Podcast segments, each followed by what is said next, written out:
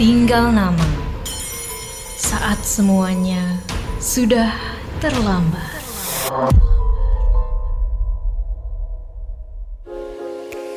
Kamu tidak percaya diri dengan penampilanmu? Podcast Semua Bisa Cantik hadir untuk membantu mendefinisikan dan merangkul arti cantik yang sesungguhnya. Dengerin podcast Semua Bisa Cantik dari Media by KG Media dan Stylo Indonesia di Spotify.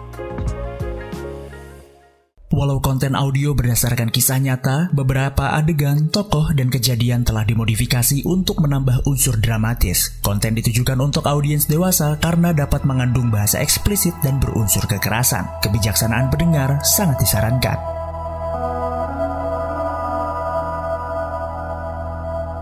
Selamat datang di podcast Tinggal Nama, podcast persembahan Media Podcast Network bekerja sama dengan Intisari dan Motion Radio menghadirkan kisah kriminal dari seluruh penjuru dunia yang bersumber dari artikel terbitan Intisari. Sebelum mendengarkan, jangan lupa untuk klik follow podcast Tinggal Nama dan beri rating terbaikmu. Follow juga Instagram, Twitter, dan TikTok kami di @media agar tidak ketinggalan informasi podcast lainnya. Kamu bisa berlangganan Intisari Plus di plus.intisari.grid.id dan Intisari akan memberikan diskon sampai 50% untuk berlangganan majalah Intisari di atas satu bulan melalui grid.store.id.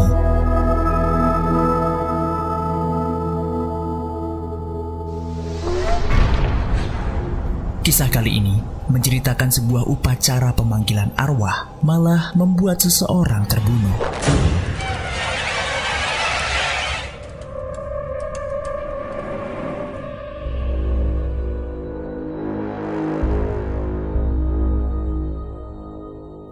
Terjadinya di Newry, Prancis pada awal abad 20 di mana orang masih percaya pada kemungkinan untuk bertemu dengan arwah orang-orang yang sudah almarhum.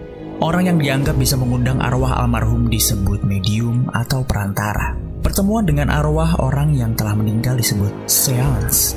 Terdapat laporan Russo, seorang anggota kepolisian kepada atasannya, Bertion, mengenai jalannya peristiwa. Kemarin sore, 8 orang mengadakan seance di rumah Pelsenet, seorang medium di Villa Pleasance Newly. Lalu bagaimana kejadiannya? Seance diorganisir oleh Madame Lavargue yang rupanya sangat percaya pada kekuatan medium dan telah beberapa kali menyelenggarakan seance dengannya. Ternyata Kanet sendiri telah berulang kali menipu, tetapi masih banyak orang yang percaya kepadanya. Jadi begini komandan, sesuai keterangan dari saksi mata seperti biasa, lampu-lampu dipadamkan dan semua orang meletakkan tangan mereka di atas sebuah meja bundar. Lama nggak terjadi apa-apa, tapi tiba-tiba terdengar suara keras dalam bahasa Spanyol. Jelas itu bukan suara Shenet, karena sebagai medium dia nggak berbicara. Tapi nggak ada seorang pun di antara hadirin bisa berbahasa Spanyol. Setelah suara berhenti, terdengar teriakan.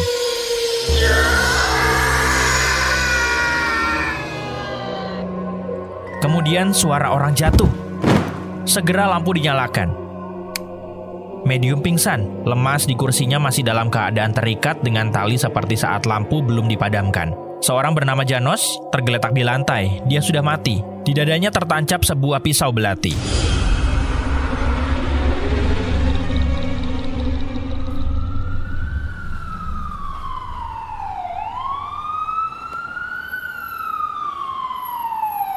Segera setelah kejadian itu, Madame Lavargue memanggil polisi dan dokter. Semua hadirin tidak ada satupun yang boleh meninggalkan ruangan ini. Medium nampaknya sama sekali tak sadar dan harus dibawa ke kamar lain. Mengenai korban, ia dibiarkan tergeletak di tempat jatuhnya demi penyelidikan oleh pihak kepolisian.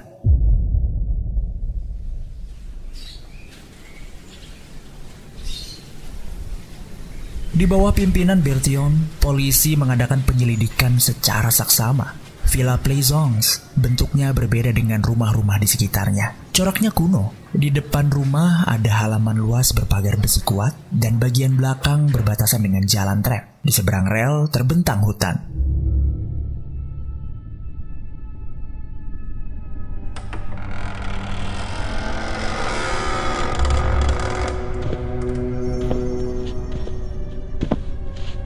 Kamar seans terletak di tingkat pertama. Di depan pintu kamar tergantung gorden bludru berwarna hitam dan berat. Demikian pula di depan semua jendela ada gordennya dan dari bahan yang sama. Langit-langit kamar itu tinggi, dicat berwarna hitam.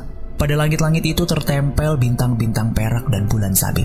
Lantai dilapisi permadani tebal sehingga langkah-langkah orang tak akan terdengar. Ketika polisi masuk, Hmm? Di sini kecium wangian, khas banget baunya.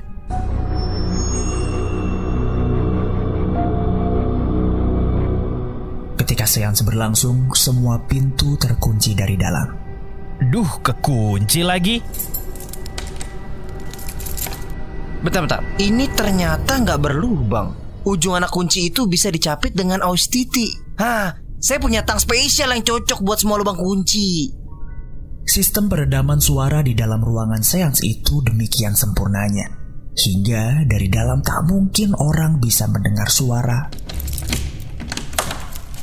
kunci yang diputar. Di dalam kamar ada beberapa lampu dinding, di samping lampu gantung di tengah ruangan. Semua lampu ini dapat dinyalakan dengan tombol-tombol pada pintu masuk. Sepanjang dinding berderet beberapa meja, sedangkan di tengah ruangan ada meja bundar dari kayu mahoni. Di sekitar meja masih ada beberapa kursi yang dua di antaranya terbalik. Komandan, di sini ada korban tergeletak di lantai. Kakinya yang satu tersangkut pada kaki kursi yang didudukinya. Sepertinya pisau belati ini yang membunuhnya di dadanya, tepat di atas jantung. Permadani di bawahnya berlumuran darah. Pak, korban pembunuhan itu seorang lelaki setengah umur. Wajahnya bulat, gemuk, dan berkumis pendek. Rambutnya yang hitam mengkilap dan warna kulitnya seperti orang Eropa Selatan. Dan ada sebuah cincin emas mengkilap menghiasi tangannya yang berlumuran darah. Nama orang itu Kurt Janos. Tak jauh dari tempat korban menggeletak, ada kursi bersandaran tangan. Di kursi itu masih nampak tali temali yang putus pada beberapa tempat. Inilah tempat duduk Kanet yang sebagai medium biasa diikat erat pada kursinya. Tali temali itu diputus untuk melepaskan medium yang ternyata pingsan ketika lampu-lampu dinyalakan kembali. Oke, saya perintahkan kalian bekerja dengan hati-hati. Jangan sampai menyentuh permukaan meja bundar, karena benda ini merupakan buku terbuka bagi polisi.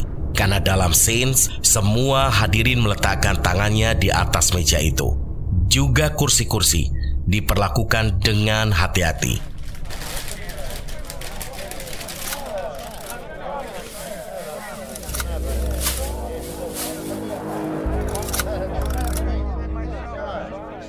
Ketika diperiksa, ternyata di atas meja bundar itu terdapat sidik jari para hadirin yang nampak jelas.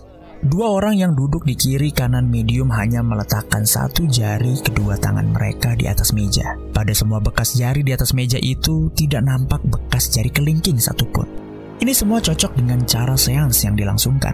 Para hadirin saling berpegangan dengan jari kelingkingnya. Dua orang yang duduk di samping medium memegang yang terakhir ini dengan tangan yang satu. Maka mereka juga meninggalkan bekas satu tangan. Kurt Janos jelas ditikam dari depan. Tidak mungkin perbuatan ini dilakukan oleh hadirin yang duduk berhadapan dengannya. Karena meja bundar itu bergaris tengah satu setengah meter.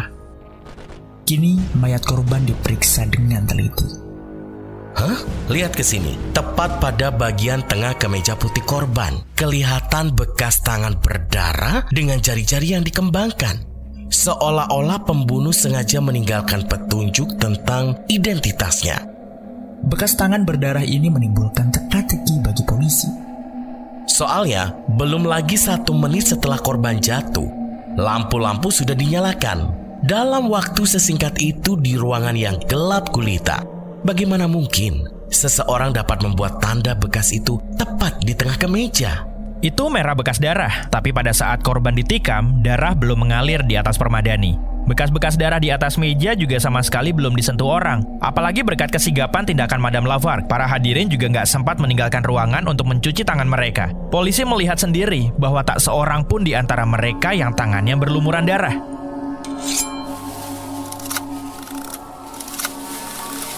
Bertion selanjutnya memeriksa letak pisau belati.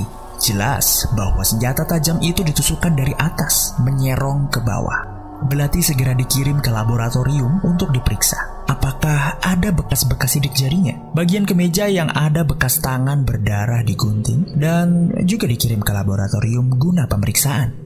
Kini menyusul penyelidikan atas semua hadirin pada seans di Villa Plaisance. Keterangan yang diperoleh Madame Levark yang terkenal sebagai seorang wanita yang mempunyai minat besar terhadap masalah-masalah psikologi. Saya mengundang beberapa sahabat dan kenalan saya untuk menghadiri scenes di Villa Plaisance untuk menguji medium Kenneth. Itu pertama kalinya saya datang ke Paris. Kenneth menarik perhatian besar kalangan orang-orang yang percaya kepada spiritisme. Tetapi beberapa kali kemudian ia terlibat dalam penipuan sehingga pengaruhnya berkurang. Namun masih ada juga orang yang percaya kepadanya. Dalam surat-surat kabar terjadi perdebatan mengenai dia. Sementara orang masih percaya akan kemampuannya sebagai medium, sekalipun ia kadang-kadang menipu. Tujuan Anda apa ke sini? Tujuan saya dengan Sins adalah menyelidiki dan menentukan sejauh mana Kenneth bisa dipercaya. Kenneth setuju, tapi dia minta agar Sins itu dihadiri wartawan yang diundang oleh medium untuk menyaksikan Sins, kemudian membuat laporan. Namanya Kerjonas, seorang reporter majalah spiritisme. Saya kasih tahu ya, kalau ini bukan penipuan. Saya sendiri bersama Janice dan ikat Kenneth di kursinya. Dan saya juga yang mematikan lampu dan langsung duduk di samping Janice.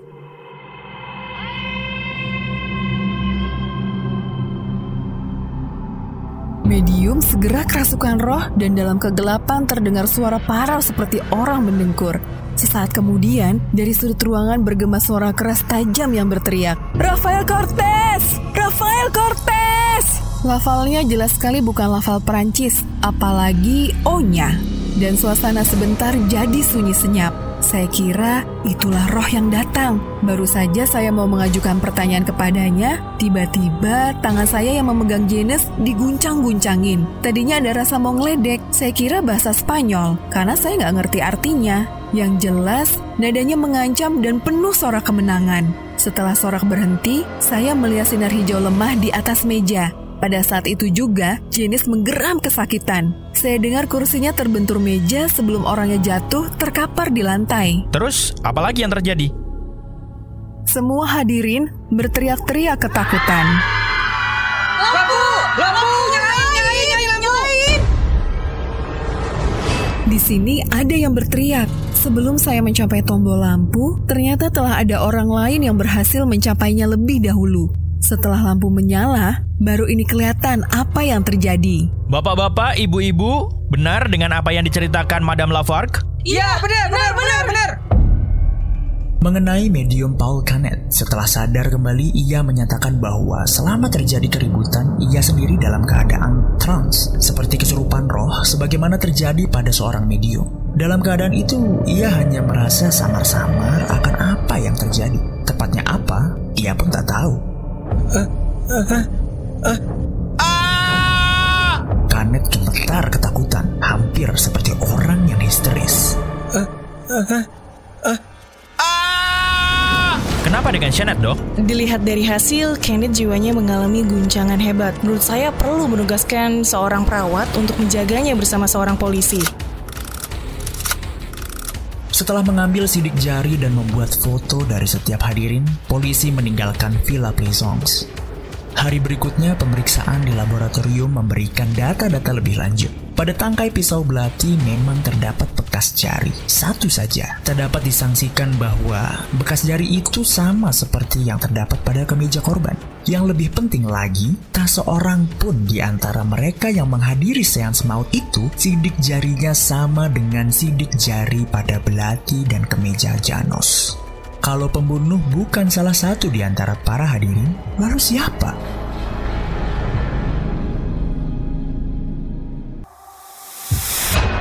Jangan lewatkan episode Tinggal Nama selanjutnya.